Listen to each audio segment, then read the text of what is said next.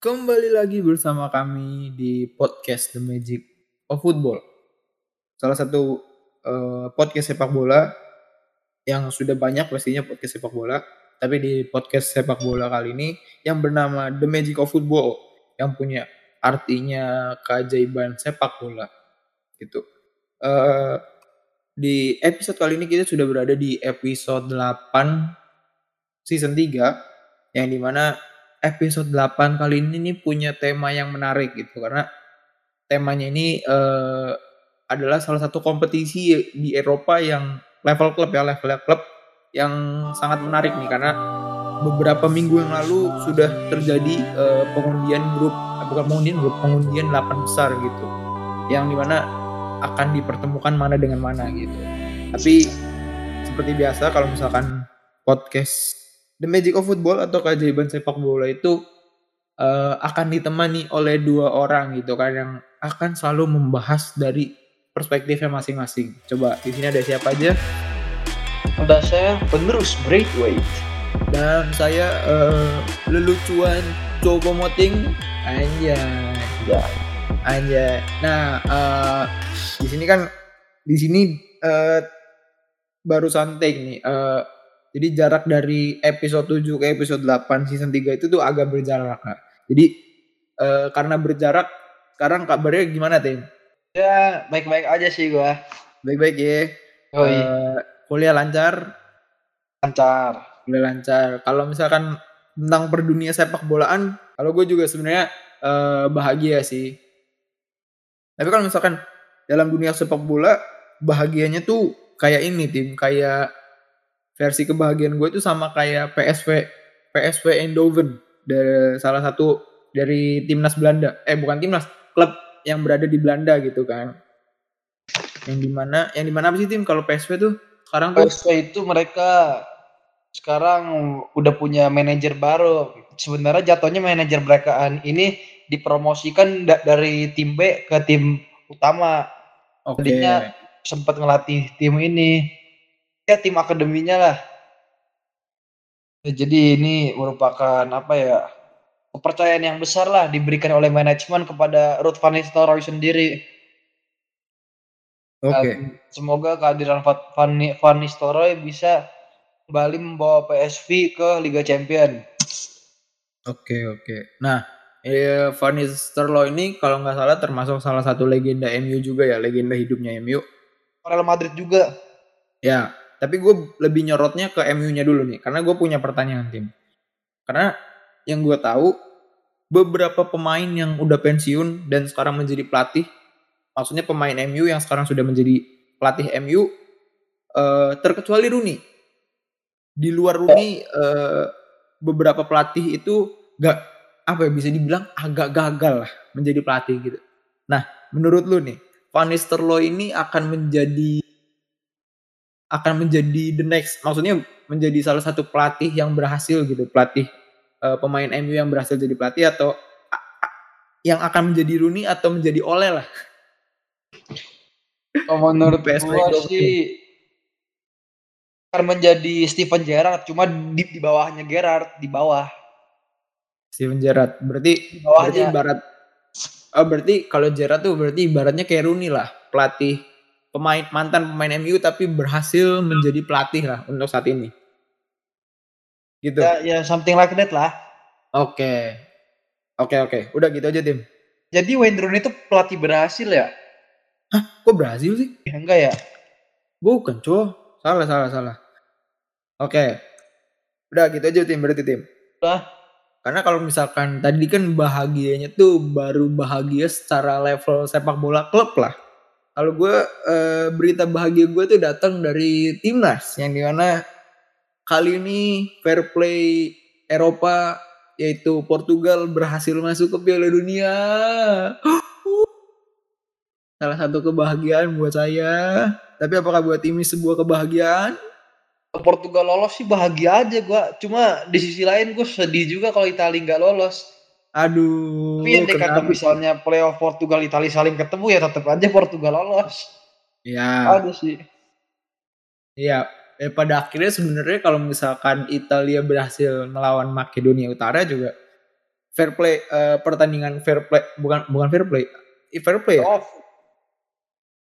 ya pokoknya itulah pokoknya pertandingan finalnya itu sebenarnya uh, udah diprediksikan besarnya itu akan Italia bertemu Portugal gitu yang di mana di sana itu akan di, dipilihkan di apa ya akan dipilihkan nih pemilihannya antara uh, ngelihat sang kambing tidak bermain di Piala Dunia atau uh, kembalinya absen dari Gli Azzurri gitu. Yoi. Yang mana absennya Gli Azzurri ini hampir terhitung satu dekade, hampir ya, hampir kurang dua tahun lagi lah, gitu. Tapi menurut lo itu berita sedih ya timnya, karena di karena Itali kayaknya ini sih untuk mungkin juga ya udah hancur kali. Ya, gue nggak heran sih kalau Italia kayak gitu juga karena liganya juga pun kapuk gitu liganya Serie A. Karena jadi begini.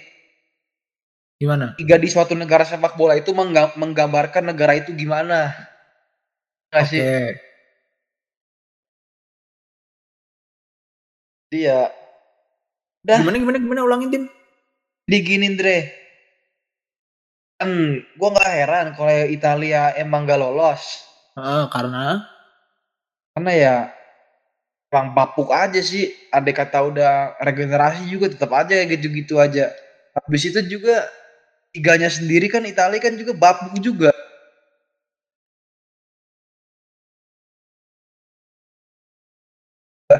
Liga itu eh, liga di negara itu tuh menggambarkan negara itu juga gimana Oh. Kalau dalam persepak bolaan ya. Ya, mak berarti Jadi maksudnya misalnya kalau liga lu bagus, ya mungkin negara lu juga bisa bagus lah, bisa kompetisi di level tertinggi gitu. Ya, berarti berarti gimana tim dari sebuah timnas itu dilihat dari uh, liga yang terjadi di level klub gitu ya? Iya, dilihat dari liganya. Iya, iya, iya, iya, ya. oke, oke. Ya, ya udahlah, mau apa mau apa dikata, bahkan yang mengecewanya kan adalah Italia dikalahkan oleh se sebuah bukan sebuah sama negara Makedonia Utara kan. Kalau misalkan kalau kata Timi kan kalau kalahnya sama grup-grup apa sama negara gede mah nggak apa-apa, tapi kalau ini kalahnya sama Makedonia Utara, aduh. Aduh, agak kasihan ya. kasihan. ya ketemu juga antah berantah gitu sih. Ah, sayang banget dah. Aduh, iya. Emang emang untung Portugal lolos, berhasil menggunakan kesempatannya dengan baik. Ya, begitulah. Udah kali tim kalau misalkan berita-berita bahagia gitu mah ya. Iya, udah cukup. Udah cukup ya. Berarti sekarang kita kembali ke jalur utama, kembali ke jalur utama karena uh, ke jalur utama ini kita kembali kalau tadi kita sempat membahas tentang uh, sepak bola level timnas atau level negara kali ini kita kembali ke topik utama kita yang di mana di episode 8 season 3 ini uh, kita ke level klub karena topik besarnya di season di episode 8 ini kan tentang salah satu kompetisi terbesar kasta pertama di Eropa yaitu UEFA Champions League itu.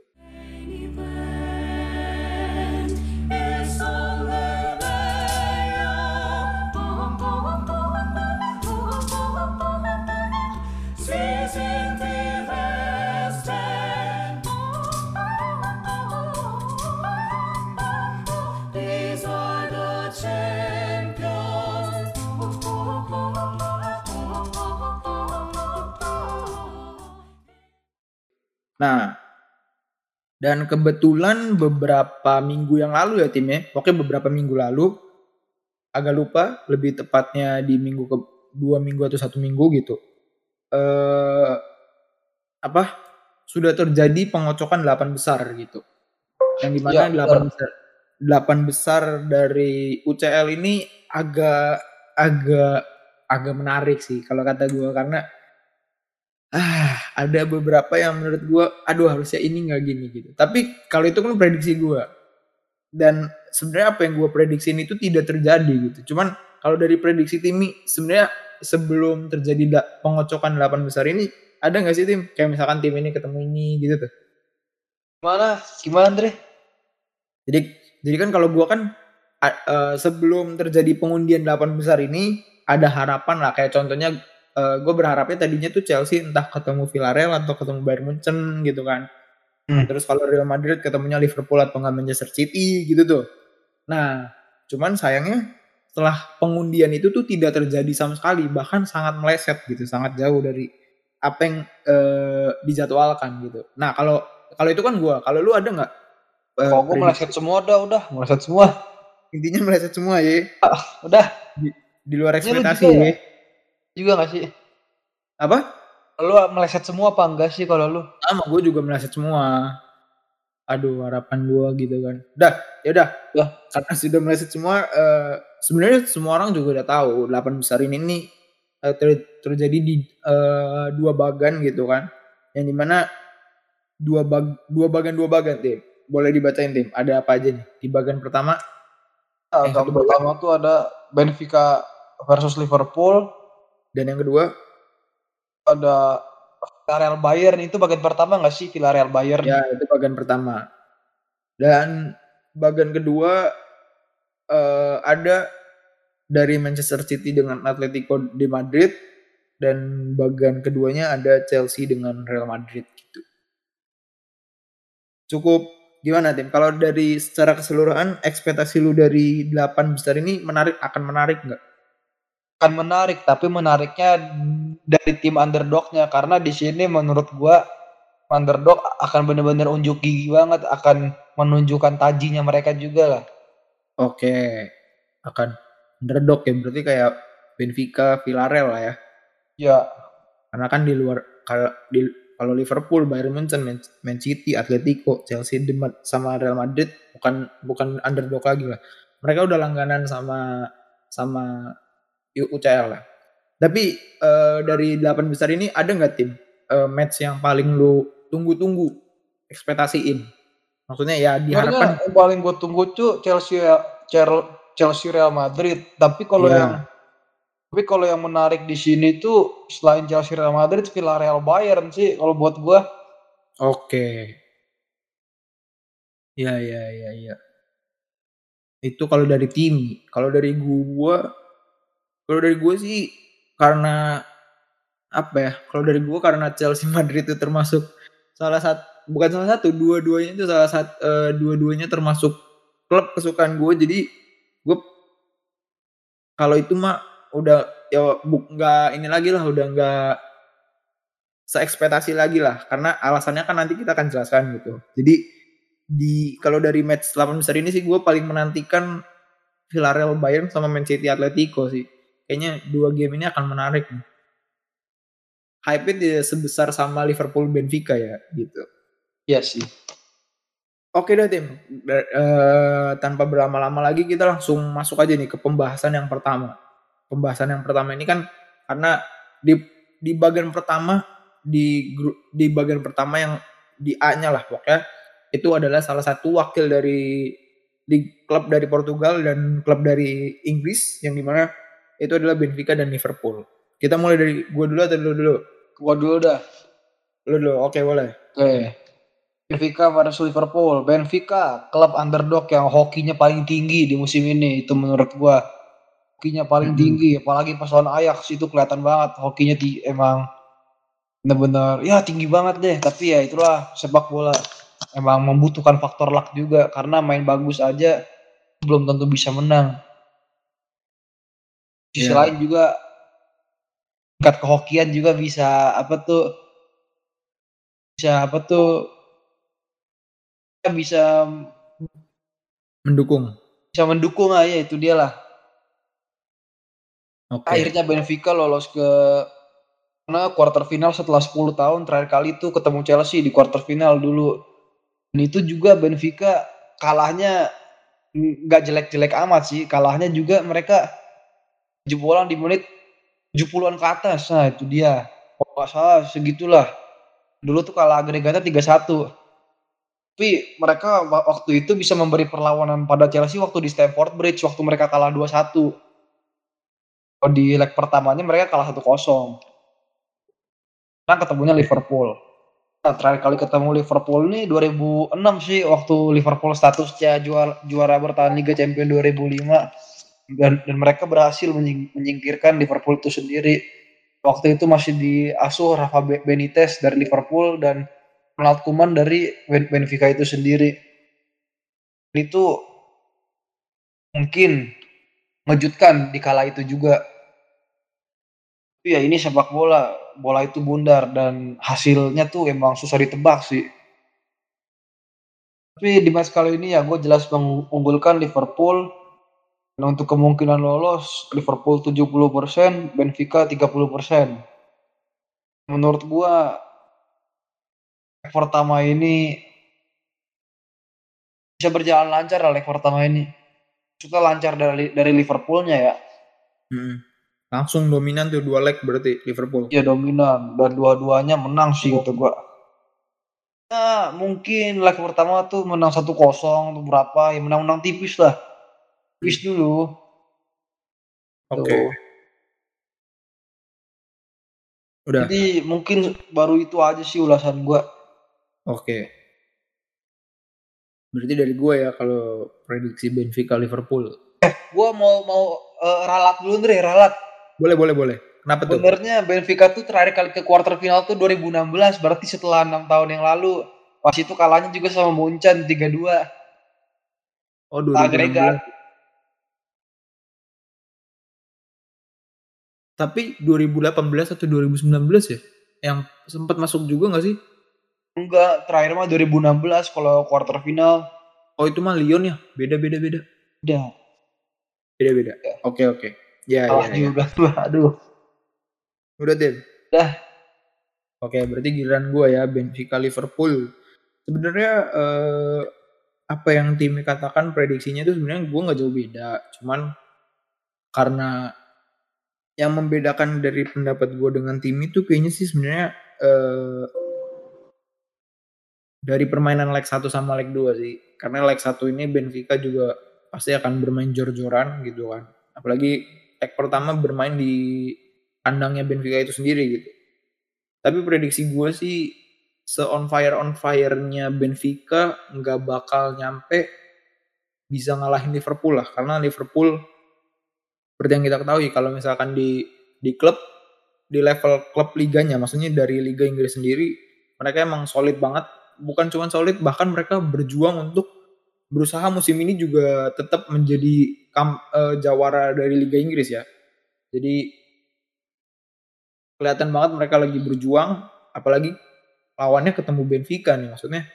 Bukan bukan dianggap sebelah mata cuman kalau misalkan dari depan sampai belakang kan Liverpool kan emang udah komplit banget kan. Yang di mana di tengahnya juga disokong Van Dijk gitu kan. Depannya depannya gila banget. Depannya Liverpool entah salah Mane Firmino ataupun salah Jota uh, Mane gitu kan. Ataupun uh, Diaz Mane salah gitu kan. Pokoknya Origi bener -bener, juga Origi. Origi super sub yang tidak tergantikan tuh ah iya itu. Lihat itu karena itu juga jadi penentu pas lagi lawan Atletico kalau nggak salah. Eh Atletico atau AC Milan ya? AC Milan kalau nggak salah AC Milan AC Milan. Iya AC Milan gitu kan. Dan makanya jadi menurut gue meskipun pada akhirnya emang Liverpool akan dominan sih tapi leg satunya sih Benfica bakal mati-matian sih.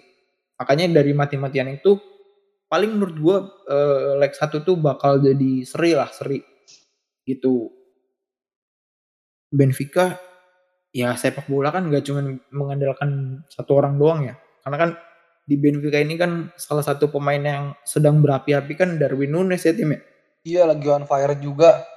Uh, uh, gitu.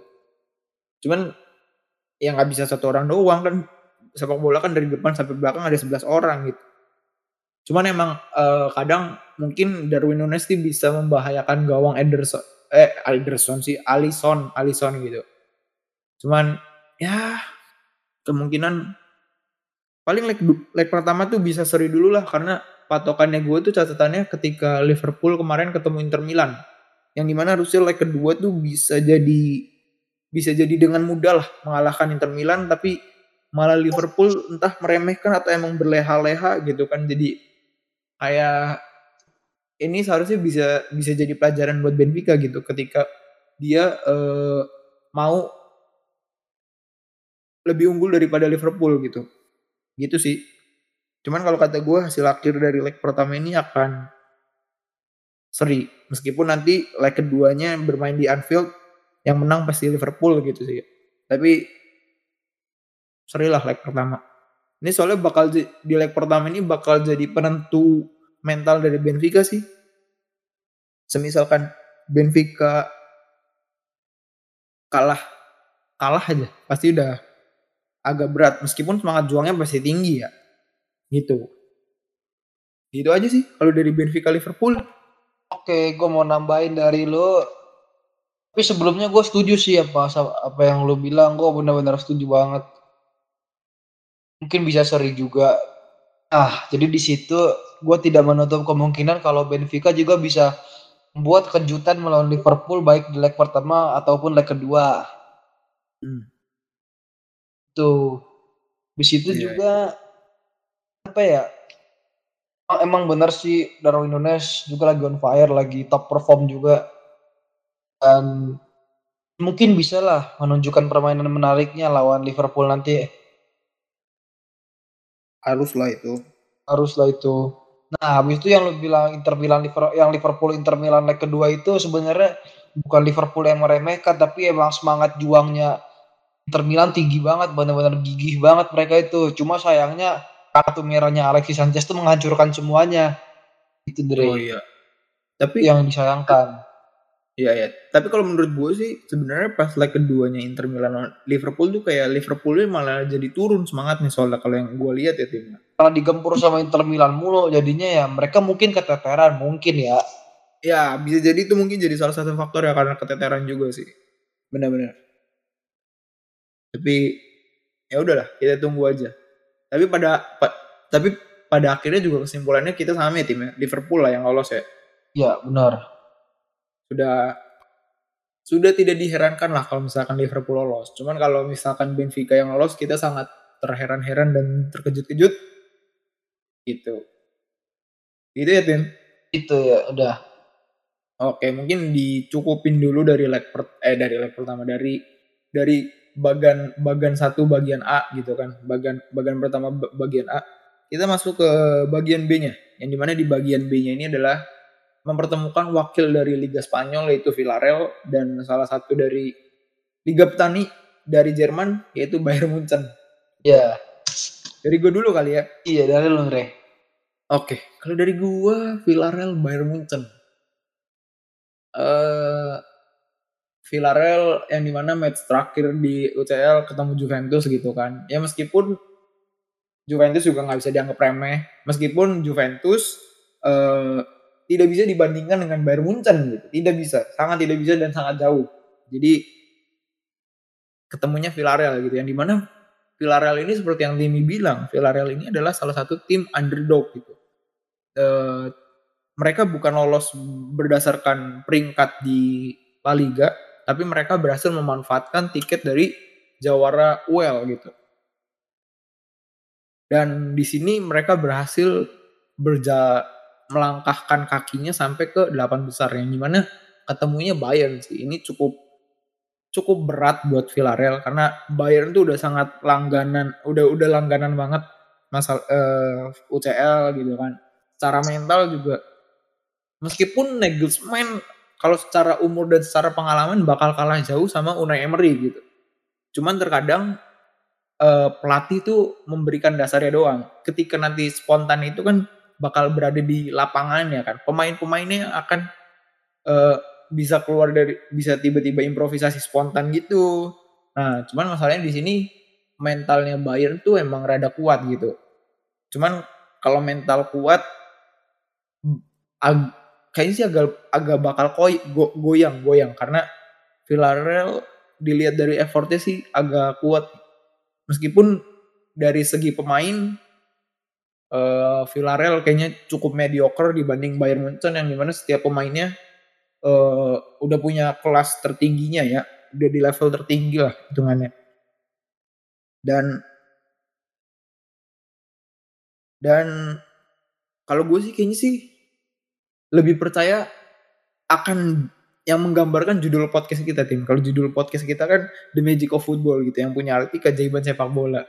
Meskipun meskipun prediksi orang-orang akan banyaknya jatuh kepada Bayern Munchen yang akan memegang tiket semifinal. Cuman kalau gue akan jatuh kepada prinsip prinsip podcast kita gitu. Di mana keajaiban sepak bola. Meskipun uh, jatuhnya Bayern Munchen ini udah uh, udah pasti akan lolos dengan mudah ya. Tapi kalau menurut gue sih klub Villarreal ini akan benar-benar effort untuk bisa struggle banget nih untuk bisa memegang tiket semifinal gitu. Meskipun ya tadi balik lagi secara level permainan eh secara level pemain kualitas pelatih gitu kan e, mentalnya juga gitu. Tapi balik lagi sejauh ini sih kalau menurut gue sih Villarreal sih gitu. Oke berarti gue, secara nggak langsung lu menggambarkan match ini Villarreal baik di leg pertama ataupun leg kedua bakal membuat kekejutan besar gitu ya? Nggak. Uh, bisa jadi cuman tapi patokannya tuh patokannya gambaran besarnya gini dah. Leg pertama mungkin Munchen sama Villarreal nih akan beda tipis. Nah, baru nanti di leg keduanya setelah Unai Emery mempelajari taktik dari Julian Nagelsmann nih, baru di leg kedua mungkin Villarreal akan siap menghancurkan Bayern Munchen gitu. Namun yang gitu berbahaya gitu tuh begini, Dre Kenapa gimana? Ini kalau pendapat lu ya timnya? Ya, kalau Villarreal menang tipis lawan Bayern di leg kedua bisa dihajar habis itu Villarreal. Ini Munchen ini bukan per, bukan sekali dua kali kayak gitu. Gue ingat waktu 2012 mereka kalah 1-0 sama Basel. 1-0 hmm. tuh leg pertama 16 besar. Kedua langsung dihajar habis tuh 7-0 di Allianz Arena. Ah, waduh. Langsung digebok habis dah itu. Habis itu 2015 quarter final kalah sama Porto 3-1, kalah sama Porto di leg kedua dihajar 6-1. Waduh, ngeri-ngeri ya. Itu dia bahaya. Kalau kalau emang leg kedua mau lolos, habis itu misalnya leg pertama menang tipis lah, ya saya satu kosong atau berapa you name it lah dua satu atau tiga dua gitu. Nah itu Arena sendiri harus benar-benar bisa matiin motor serangannya Muncan itu sendiri. Siapa ya, tuh motor serangannya? At least minimal tuh bisa tim Joshua Kimmich sih itu udah minimal. Joshua Kimmich Thomas Muller. Nah kalau dua dua pemain itu bisa dimatiin mungkin untuk matiin Lewandowski Sane Gnabry mungkin akan lebih luasa lagi akan lebih mudah ya mudah enggak tapi ini apa lebih leluasa aja ada kemungkinan bisa dimatikan juga berarti itu PR buat Emery ya? Emery PR banyak nih berarti. Ya ini banyak banget sih. Kalau ya, dari pihak Munchen sendiri dari siapa? Gosman ya tinggal gimana mereka ini aja bermain efektif dan mana sih harus ini bisa harus bisa apa tuh namanya harus bisa memberikan permainan yang baik juga untuk Munchen sendiri. Iya iya iya. Kemungkinan match ini Goretzka udah bisa main sih kemungkinan ya. Goretzka tuh gelandang ya? Eh, gelandang ya. Iya, Leg kedua gelandang kemungkinan juga Alfonso Davies sudah bisa balik. Mm -hmm. uh, berarti kalau di bag di bagian B ini overall lu megang Bayern Munchen berarti? Iya, overall Bayern Munchen ya Villarreal 10%, Bayern Munchen 90% kalau menurut gua. Oke. Okay. Kalau emang Villarreal mau menang, itu Upamecano main jelek dulu aja deh minimal itu baru Villarreal bisa menang leg pertama. Minimal tuh Upa aja main jelek. Kalau kata lu di take sebelumnya tuh uh, Upamecano harus mengumptitikan diri ah gitu. iya bener. Kan emang 11-12 juga kalau misalnya Upa lagi jelek jeleknya tuh kayak Umtiti udah. Kayak pas lawan Gladbach tuh yang kalah 5-0 tuh kan kayak Umtiti banget apa? Banyak kan keplesetnya ya ya ya. Oke oke. Ya, kalau berarti uh, oke oke. Udah tim kita aja tim. Udah itu aja. Oke, berarti kesimpulan dari bagian pertama, kalau dari Timi udah jelas mengunggulkan Liverpool yang di mana akan memegang tiket semifinal.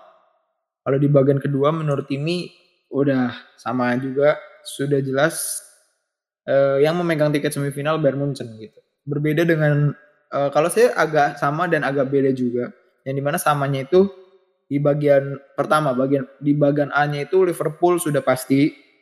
Di bagian keduanya Villarreal sih kalau menurut gua gitu.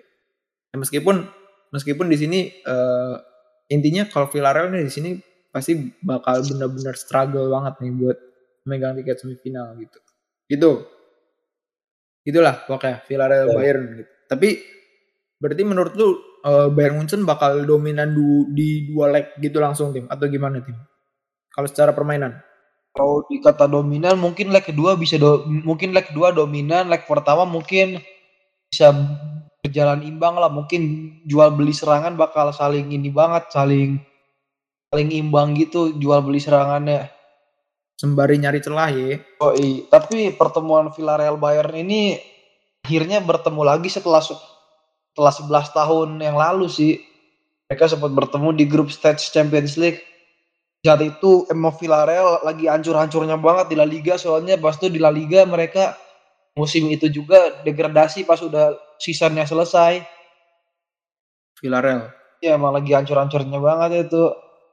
Okay. Kedua kali ketemu di Ale, eh, di mana di Allianz Arena sama di El, El Madrigal waktu itu namanya masih El Madrigal stadium Villarreal. Itu bener-bener dikalahin sih. Gue juga ya lupa sih suaranya berapa juga. Cuma yang gue inget Frank Ribery yang gue yang Ribery Schweinsteiger doang yang gue inget. Oke. Okay. Oke. Okay. Uh, eh, cukup kali ya tentang bagian pertama. Cukup. Uh, berarti. Tapi gue ada satu ada satu ada satu tebakan sih. Apa tuh? Di match Villarreal Bayern ntar yang ngegolin Leroy Sané nanti ada ngegolin okay. Leroy Sané. Not apakah tebakan timnya akan benar? Salah satu pencetak gol itu entah di leg satu di leg kedua pasti akan ada nama Leroy Sané menurut Timi. Kita kita lihat aja nanti apakah tebakan Timi benar gitu kan. Gitu. Oke, langsung ke bagian berikutnya, bagian kedua. Bagian kedua ini ada masih didominan dari Liga Spanyol ya. Kalau di bagian kedua ini didominan dari Liga Spanyol, yang di mana di bagian A-nya itu ada salah satu wakil dari Liga Inggris yang di mana dia adalah salah satu calon jadi calon ya masih calon jawara Liga Inggris yaitu Manchester City dan yang kedua ini masih dari Liga Spanyol kalau ini mah agak jauh dari jawara Liga Spanyol yaitu Atletico de Madrid. Dimulai dari lu dulu ya tim. Oh. Oke, boleh dari tim dulu.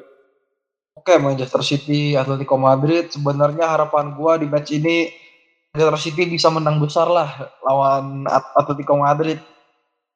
Soalnya mungkin ya, mungkin hmm. dari match ini juga setelah apa tuh menangnya menangnya Man City atas Atletico dan berhasilnya Man City menyingkirkan menyingkirkan Atletico Madrid, mungkin Atletico Madrid di La Liga bisa bisa bisa malah jadi jelek gitulah soalnya gue pengen Atletico ngejauh eh, maksudnya turun-turun peringkat gitulah Soalnya gimana ya, kadang agak-agak kesel aja sih gitu ngeliat Atletico kalau menang. Apalagi tambah gue kesel lagi kalau ngeliat Atletico tuh menang tambahan menitnya banyak banget baik di babak pertama atau kedua gitu. Jadi salah satu faktor juga ya. Iya. Kenapa menangnya Atletico kayak kayak ada pemberian gitu. Ya kayak dibantu banget gitu, dibantunya dalam artian lu lu nggak nyogok wasit tapi lu dikasih menit tambahannya tuh banyak banget. Lu lu nyogok yeah. enggak itu lu udah bener lu nggak nyogok wasit. Mungkin emang berkatnya barokah kali buat Atletico-nya gitu kan. Tapi tapi sejauh ini berarti dari apa yang lu kata uh, City akan memegang iya, semifinal. City. Tapi setidaknya City bisa menang besar. Tapi kalau untuk prediksi gue leg pertama 4-0 sih untuk Manchester City. Wih, 4-0. Iya, 4-0. Iya leg pertama. Wah terlihat agak meremehkan berarti kalau dari sudut pandang lu ya. juga sih. Cuma kalau secara permainan, gue pikir Manchester City bisa bisa menang segitu. Kalau gue lihat dari permainan ya. Karena kalau dari segi permainan tingkat tingkat efisiennya Manchester City itu jauh lebih tinggi ya. Ya efektif banget. Iya. Benar ya, efektif. Sedangkan ya, Atletico Madrid itu gimana ya? Kadang polanya juga kurang jelas sih. Kadang juga maka dari itu hmm. faktor gue bisa bilang City bisa menang besar ya karena itu. Oke. Atletico Madrid. Nah, Atletico nanti kan mau City. Apa kira-kira mau, mau rotasi? Apalagi juga dekat mereka di La Liga juga poinnya sama kayak Barca sih. Cuma ya Barca untungnya menang selisih gol aja. Mm -mm. Dari lima match terakhir juga mereka menang semua sih di La Liga. Hmm. Kan nanti apa tuh namanya weekend mereka ketemu Deportivo Alaves. Dan gua rasa mereka kayaknya nggak rotasi sih kayaknya. Ini mereka Weekend ini. ya Atletico Madrid rotasi sih kayaknya sedangkan Manchester City ya sih bisa lah kalau Manchester City karena skuadnya tangannya nggak kalah jauh eh kok nggak kalah jauh nggak kalah jago sama ini sama sama starting elevennya yang utama tapi Manchester City Manchester City sendiri juga emang harus berjuang banget di liga sih karena mereka juga gap poinnya tuh cuma satu doang. Jadi jadi ya mungkin Champions League sama Premier League fokusnya bisa dibilang sama lah harus bener-bener hati-hati gitu. Jangan sampai salah jalan. Gitu. Oke. jadi kalau untuk persentase kemungkinan lolos Manchester City 60 persen Atletico Madrid 40 persen 40 ya. Oke. Udah Berarti itu dulu gua dari lu ya. Aduh. Eh berarti giliran gue ya. oke Lagi-lagi di delapan besar Atletico harus ketemu dari salah satu saudara kembarnya dari Manchester gitu. Yang di mana di 16 besar Atletico ketemu United, Manchester United gitu kan. Dan sekarang di delapan besarnya harus ketemu saudara kembarnya, yaitu Manchester City gitu. Yang di mana kalau misalkan benar kata Timi, jadi eh, benar.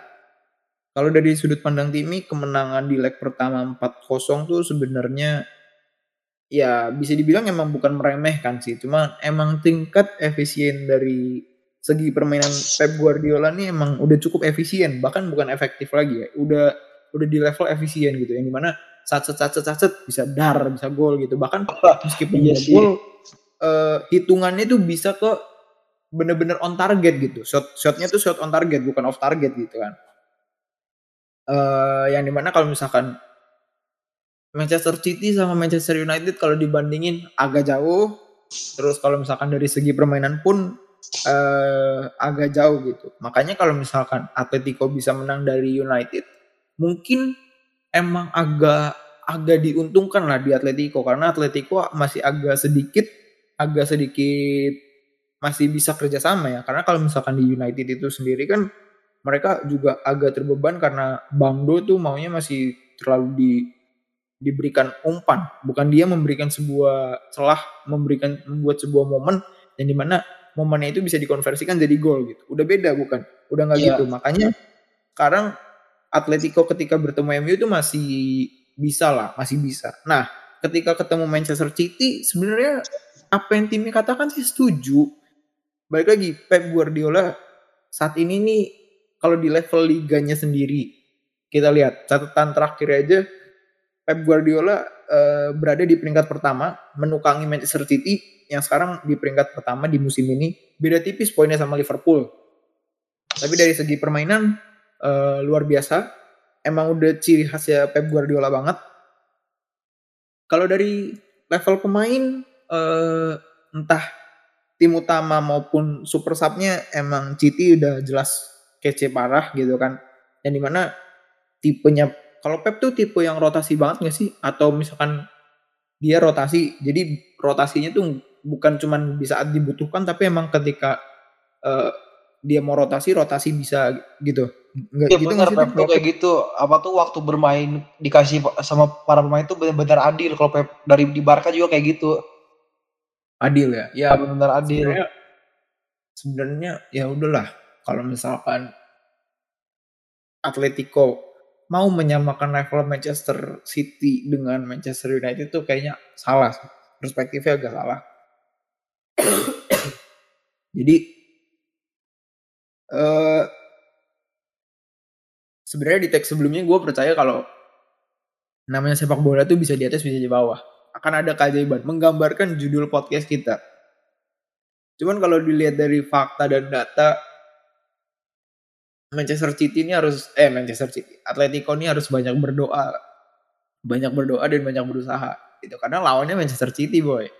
Kecuali kalau lawannya Benfica kayaknya juga tetap Benfica sih yang lolos.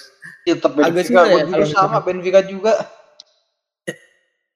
Cuman level level levelnya Benfica tuh menurut gua kalau secara permainan masih bisa di atasnya Atletico Benfica. Apalagi balik lagi ke Manchester City Atletico. Eh, Manchester City tuh aduh kayaknya sih nggak bisa disama-samain Manchester United bos. Ini bakal jadi PR banget nih buat eh, siapa pelatihnya Atletico? Simeone. Iya Simeone. Yang di mana terkadang emang u- eh, kadang taktiknya Pep tuh emang sangat brilian gitu. Untuk mematikan taktiknya Pep tuh harus bisa mematikan langkah De Bruyne dulu. Belum lagi kalau misalkan langkah De Bruyne mati, ada ada backupannya lagi nih. Harus bisa mematikan langkah Cancelo. Semisalkan dua orang itu mati juga sebenarnya masih ada kemungkinan City masih bisa menang meskipun Foden ya, ada Foden juga Mahrez. Iya, tapi kadang motornya tuh dua orang itu karena playmaker play, playmaker utamanya KDB yang di mana bisa membuat sebuah peluang-peluang gila. Cancelo yang di mana sebagai fullback gila banget tuh orang. Jadi hitungannya kalau misalkan buat permainan sih, eh kata Timi sih gue setuju sih. Meskipun di levelnya Atletico gitu kan, di level Atletico masih ada seorang Luis Suarez, masih ada Joe Felix, terus siapa Ada? Griezmann juga. Ah siapa? Griezmann, ya Griezmann. Griezmann. Ya. Harapannya tipis, tapi gue lebih kepercaya feeling gue. Feeling gue tuh mengatakan keajaiban ini bakal terjadi. Jadi sehingga kalau Timi mengatakan eh, leg 1, leg 2 akan didominan Manchester City, kalau menurut gue ini akan seri dulu, tapi menang nanti leg keduanya menang Atletico. Menang tipis ya, menang tipis. Meskipun Atletico harus sampai titik darah penghabisan nih kalau lawan Manchester City nih. Kalau masih karena ketika lawan MU kemarin eh, Atletico tuh masih ada beberapa titik kesalahan yang harusnya tidak terjadi gitu. Cuman pada akhirnya itu terjadi, ya hasilnya nggak maksimal aja ketika bertemu MU. gitu. Nah, ini lawannya sekelas Manchester, Manchester City bos. Iya sih. Yang di mana secara permainan udah jauh beda gitu kan. Jadi ya keajaiban di sini akan beserta bersama Atletico lagi sih kalau menurut gua. Ini prediksi gua ya. Oke, jadi lu unggul dengan Atletico ya. Atletico. Leg pertama beda akan mungkin akan seri. Eh enggak beda tipis, beda tipis yang di mana mungkin Manchester City 2, Atletico 1 tapi nanti eh, di leg keduanya berbalik. Seri bisa jadi kalau kata gue sih kayaknya penalti sih. Buset, apa penalti dong. Kalau prediksi gue nih tim ini siap. Tapi karena ada prediksi juga di masih match beserta sama Atletico sih kalau gue. Udah gitu aja. Ada prediksi di match ini nih, ada gua. Apa tuh prediksinya apa lagi nih? Foden nyetak gol. Kalau nggak ngasih Foden. di match ini. Kalau nggak golin ya asis. Phil Foden. Oke. Semoga prediksi sih. kalau oke oke itu kalau dari lu tim prediksi gue sih di sini Cancelo akan memberikan sebuah sebuah peluang yang matang maksudnya entah dia memberikan sebuah umpan atau dia memberikan on target yang matang banget lah itu prediksi gue Oke. kalau dari Atletico nya sih kayaknya di sini eh, Griezmann akan mencetak gol sih kalau kata gue Sudah gua duga. Juga Griezmann ya. Griezmann Griezmann dan ya Griezmann aja dulu dah gitu gitu udah kali ya timnya Deh. dan kita masuk ke bag- bagian eh, bagian 2 bagian B yang di mana masih juga dari wak salah satunya dari wakil Liga Spanyol yang di mana wakil Liga Spanyol ini adalah calon jawara dari Liga Spanyol yaitu Real Madrid masih calon ya. Yang kedua Bukan juga calon lagi sebenarnya kayaknya emang udah udah mau juara sih kayaknya. kayaknya ya. Ya mm, ya masih ada beberapa masih ada 8 match lagi. Kayaknya hitungannya sih masih jadi calon kalau menurut gua. Dan lawannya ini adalah salah satu juara bertahan dari UEFA Champions League yang di mana musim lalu berhasil memenangkan Champions League. Dia adalah wakil dari Liga Inggris. Kalau misalkan di Liga Inggris tuh dia peringkat tiga, tiga. Karena level empatnya uh, di peringkat empatnya London merah. Dia adalah London biru yaitu Chelsea. Aduh, mulai dari mana dulu nih? Dari lu aja. Dari gua ya, oke boleh. Chelsea Madrid adalah ketemu lagi di 8 besarnya musim 21-22 berarti ya. Oi. Yang di mana di UCL 20 per 21 juga mereka dipertemukan sama-sama di 8 besar juga ya tim? Oh Chelsea Madrid musim lalu tuh semifinal, semi. Semi ya, semi. Ya? Oke, iya semi oh. gitu kan. Dan aduh, gimana ya? Kalau kalau dari kalau dari Chelsea Thomas Tuchel mah gue nggak heran karena Thomas Tuchel termasuk tipe pelatih yang model-modelannya kayak Pep Guardiola dia mau merotasi dan ketika dibutuhkan dibutuhkan pun dia juga rotasi uh, dan menurut gue permainan ini bakal Chelsea bakal bakal lebih menarik sih karena meskipun mereka mental mereka ditekan karena permasalahan secara administrasi gitu kan. Internal lah lebih, lebih tepatnya. Hah? Salah internal. Ya, ya, ya benar-benar. Lebih tepatnya kesalahan internal gitu. Meskipun mental mereka ditekan sama kesalahan internal, tapi menurut gua Chelsea ini benar-benar berjuang juga nih kalau uh, berjuang juga di di pertandingan ini gitu. Ya meskipun lawannya adalah sang penguasa Eropa gitu kan. Kalau bisa dibilang sih karena Real Madrid itu termasuk klub yang punya trofi UCL terbanyak gitu. Ya meskipun kalau misalkan catatannya dari pertandingan terakhir Barcelona yaitu El Clasico kan sebelum weekend sebelum weekend ini kan berarti kan eh, catatan terakhirnya kan sama Barcelona ya tim. Hmm, iya benar. Nah, Uh, berbeda dengan Thomas Tuchel, kalau Don Carlo ini termasuk tipe pelatih yang kalau misalkan udah begitu aja ya begitu aja gitu, sampai sampai benar-benar habis baru bisa diganti gitu. Makanya kemungkinan rotasi pun agak sulit gitu. Dan meskipun meskipun sekarang beritanya beritanya uh, Benjamin Ferland Mendy sama Karim Benzema kok Benjamin Benjamin yang di Inggris sudah masuk penjara kalau yang itu. Iya, kayaknya begitu kalau, deh. Iya, kalau Ferland Mendy dan Karim Benzema yang gue lihat tadi sore itu kabarnya udah kembali berlatih bersama Real Madrid gitu. Dan apa ya catatan terakhir itu sebenarnya Real Madrid ketika bertemu Barcelona itu agak mengecewakan karena absennya Benzema membuat uh, Luka Modric dan Valverde dipaksa untuk maju ke depan. Meskipun kalau kata Timi penilaiannya Timi, Valverde berhasil membuat permainan yang menarik gitu. Cuman menurut gue jatuhnya agak disia-siakan gitu. Jatuhnya agak salah dan meskipun kalau kata Timi jadi maksimal Valverde, gue ngelihatnya lebih ke cross sama Modricnya yang gimana cross bener-bener gak kepake, Modric pun jadi bingung langkahnya harus gimana.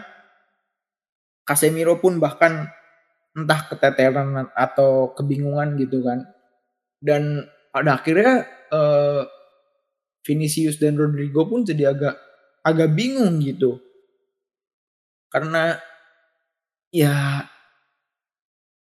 lebih lebih lebih diutamakannya ke Vinicius sih. Karena ketika ada Benzema Vinicius tuh bisa dengan sangat mudah tektokan dengan Benzema gitu. Nah ketidakhadirannya Benzema ini membuat petaka buat Vinicius. Makanya jadi agak kurang gitu kan.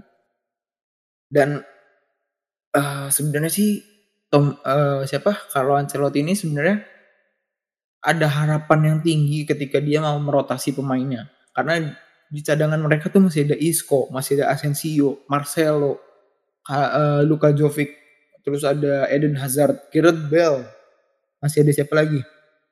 Dani Ceballos, Valverde, Camavinga. Dan menurut gue kan uh, mereka tuh sebenarnya bisa gitu kalau mau dirotasi. Apalagi karena gini, ketika di Valverde ketika ketemu El Clasico kemarin emang menurut Timi Valverde berhasil menjadi maksimal lah. Nah, itu, benar. Cuman harusnya posisinya sebagai central midfielder di depannya adalah Luka Jovic. Yang di mana di samping itu dipersiapkan Kamavinga karena untuk setidaknya eh, Kamavinga tuh siap untuk nanti ketemu lawan Chelsea gitu. Karena kalau misalkan ketemu Chelsea nanti yang main di landang MCK lagi, udah siap-siap aja dikantongi sama Kante lagi. Meskipun meskipun emang ada beberapa ada beberapa poin yang harus dikorbankan kayak dari Cruz yang di mana umpan umpan itu sangat matang memberikan sebuah peluang dan cara ber, uh, dia playmaker yang bagus gitu kan agak dikorbankan uh, dan Modric yang di mana dia bisa memegang bola dan sekaligus memberikan sebuah long shoot maupun umpan gitu. Cuman ketika mereka kan udah cukup umur ya, yang harusnya bisa menahan Kante ini secara speed ya Valverde dan Camavinga ini gitu yang hitungannya masih muda gitu. Nah mereka harusnya dipersiapkan untuk yang tadinya Barcelona baru ke Chelsea sehingga mereka bisa belajar dulu nih dari yang Barcelona gitu. Cuman sayangnya itu tidak terjadi bos. Ya meskipun mereka main sih tapi kan pas itu udah di menit berapa dan itu udah skornya udah berapa berapa gitu dan kalau misalkan pada akhirnya Ancelotti masih tidak mau menggunakan eh masih tidak mau merotasi ya ya udah sama tinggal Madrid gitu kan.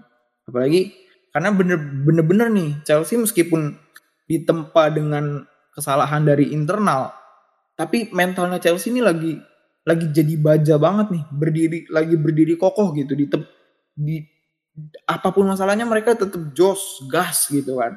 Apalagi dengan kepala Thomas Tuchel tuh yang yang gue kira nggak bakal jadi apa-apa Chelsea. Biasa aja. Tapi ternyata wah ya ini benar-benar harus diperhitungkan sih kalau Ancelotti tetap gitu-gitu aja ya udah selamat tinggal Madrid gitu. Lagi-lagi uh, Chelsea harus bukan bukan harus lagi-lagi Chelsea tetap memegang pemenang gitu. Ketika bertemu dengan sang juara Eropa ini uh, masih tidak terkalahkan gitu kan. Itu dulu sih okay. dominan kalau menurut gue leg satu leg dua dominan akan dipegang Chelsea gitu. Wah, di kalau misalkan ingat kalau misalkan Ancelotti tidak mau merotasi, tidak mau mengganti. Nah, itu mah udah Jangan, 95% nggak mau rotasi. Ya, oke. Okay. prediksi gua, prediksi gua nih, tebakan gua. Ya. Kayaknya sih kalau misalkan nanti yang gelandang main cross Modric maupun Casemiro bisa-bisa dikantongin lagi nih sama Kante. Bisa jadi. Masih itu ya. dulu aja sih tim kalau dari gua. Oke. Okay. Kalau dari lo. Oke, okay, Chelsea versus Real Madrid di laga ini rasa Chelsea bakal bermain mati-matian sih apalagi di Stamford Bridge duluan kan. Nah, jadi sebelum match si Real Madrid ini gue rasa sih mereka wajib rotasi sih lawan Brentford minimal tuh di, yang diistirahatkan kayak Havertz, Pulisic, Jorginho, Kovacic, eh Jorginho, Kante istirahat, Kristensen, Rudiger, Aspi itu pada istirahat dah menurut gue. Nah, diistirahatin itu salah vital banget buat lawan Madrid. Ya mungkin kasih waktu untuk seperti Malangsar, wis itu Kalobah. Ya, itu siapa lagi? Kovacic.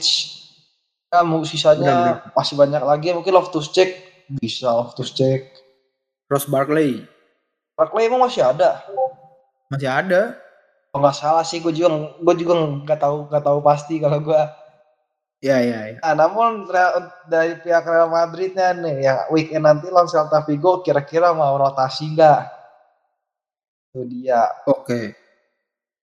Tapi yang di sini yang lebih butuh untuk rotasi sih Chelsea sih kalau gue lihat Chelsea lebih butuh karena ya lawannya apa ya klub bapu kayak gitu Brentford. Nah di match ini kabar baik untuk Madrid. Karim Benzema dan Fernando Mendy sudah kembali dan bisa dan bisa dampingi ya rekan-rekan timnya. Nah, jadi untuk hmm. match ini gue sih udah ada bayangan. Chelsea itu harus gimana sih? Jadi bayangan gue tuh kalau ingin menyerang Madrid sisi kanan eksploitasi. Karena itu udah jadi titik lemahnya.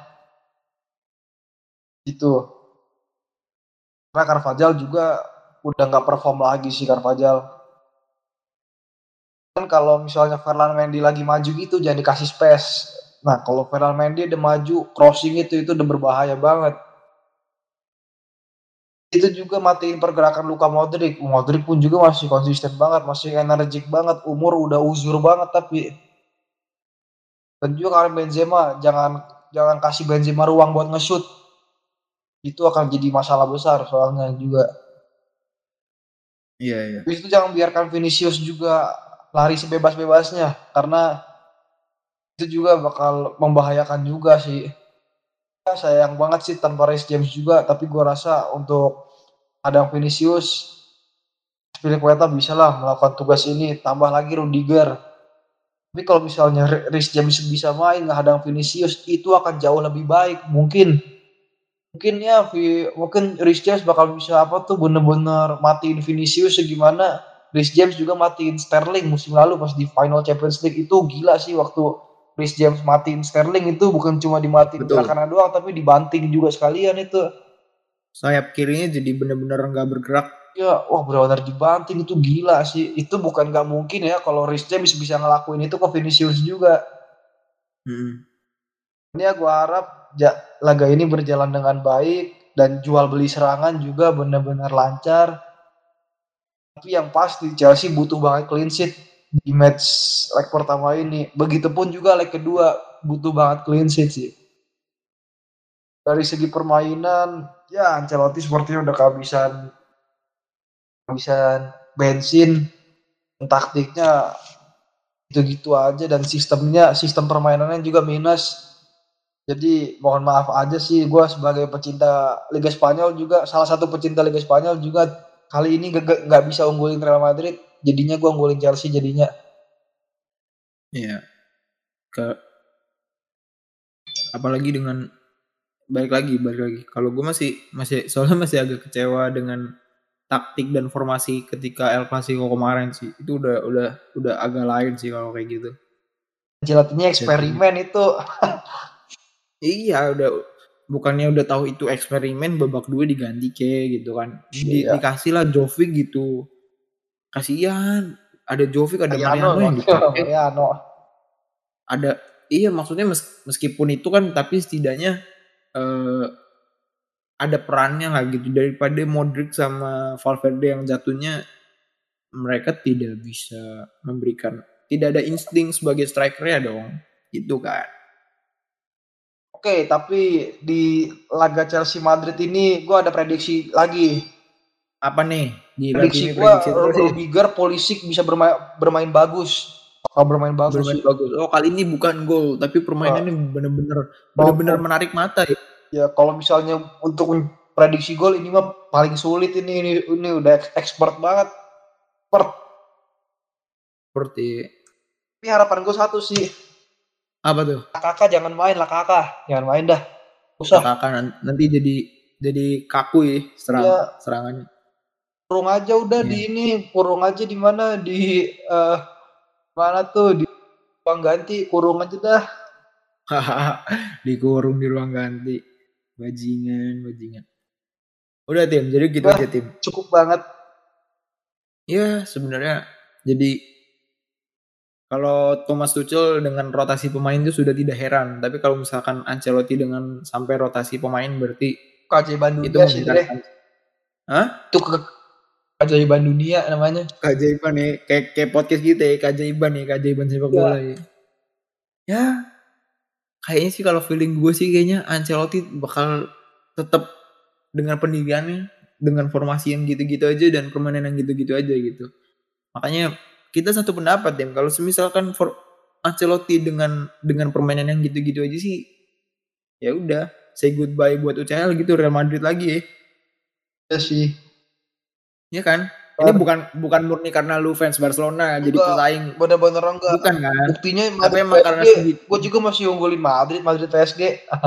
Iya, tapi ini murni karena segi dari permainan dan iya, taktiknya lah. Murni permainan. Iya, gitu ya makanya gitu ya Ancelotti harus benar-benar benar-benar memikirkan lah kalau lu makan ego lu sendiri ya ya udah saya saya goodbye itu semifinal gitu kan tapi kalau misalkan lu bisa melepas ego lu dan bermain dengan cara yang baru sih masih ada kesempatan lah. Ya meskipun kesempatan besarnya menurut gue Chelsea sih tetap.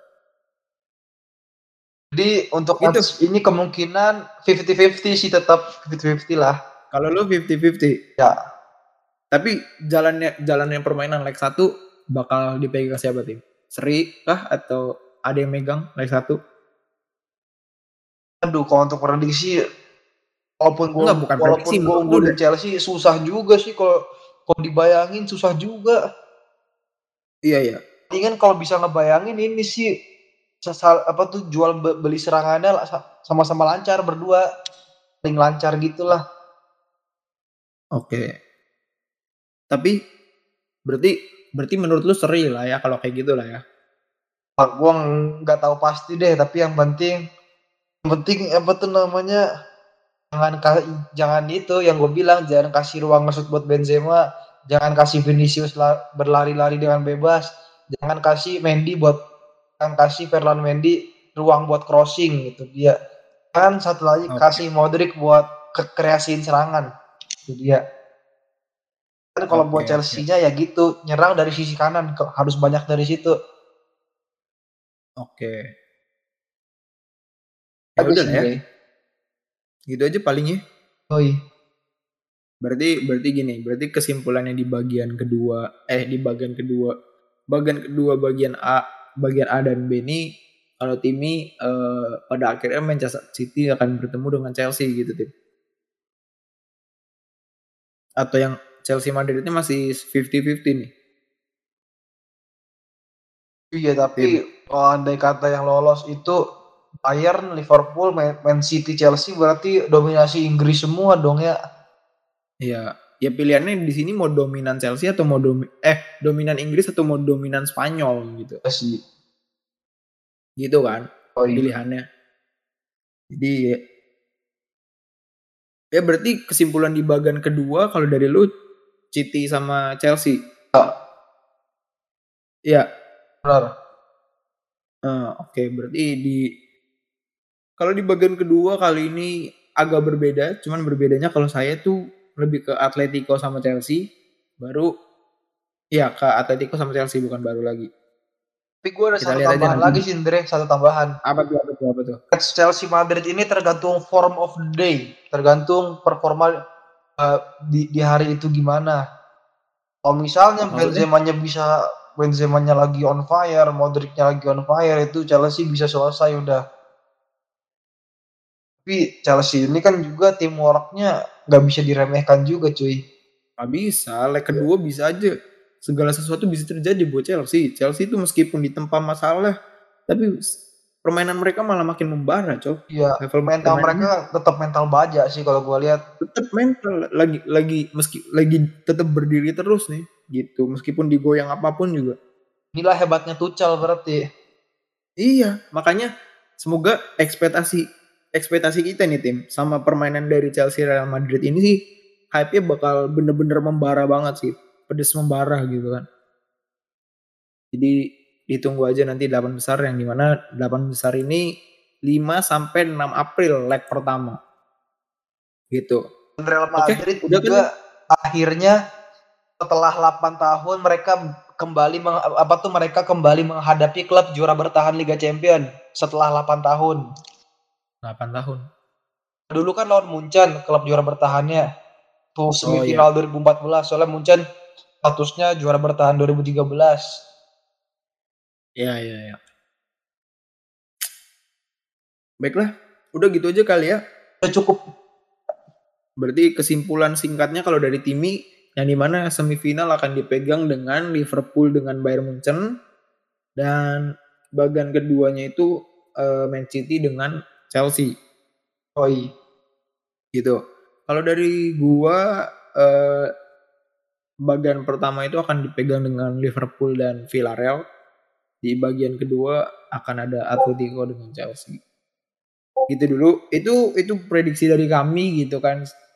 Dan ya ya udahlah kita lihat kita lihat aja nanti patokannya nanti di leg 1 apakah yang sudah kita bayangkan di leg 1 akan terjadi gitu. Kalau misalkan terjadi prediksi mana nih yang lebih tepat yang lebih akurat? Prediksinya gue Andreas Ronaldo atau le- lelu- lelucuan Sopo Moting atau prediksinya Timi penerusnya Bradway oh gitu. Ya udah kalau gitu sampai jumpa di episode berikutnya. Tetap dengerin podcast The Magic of Football dadah. See you.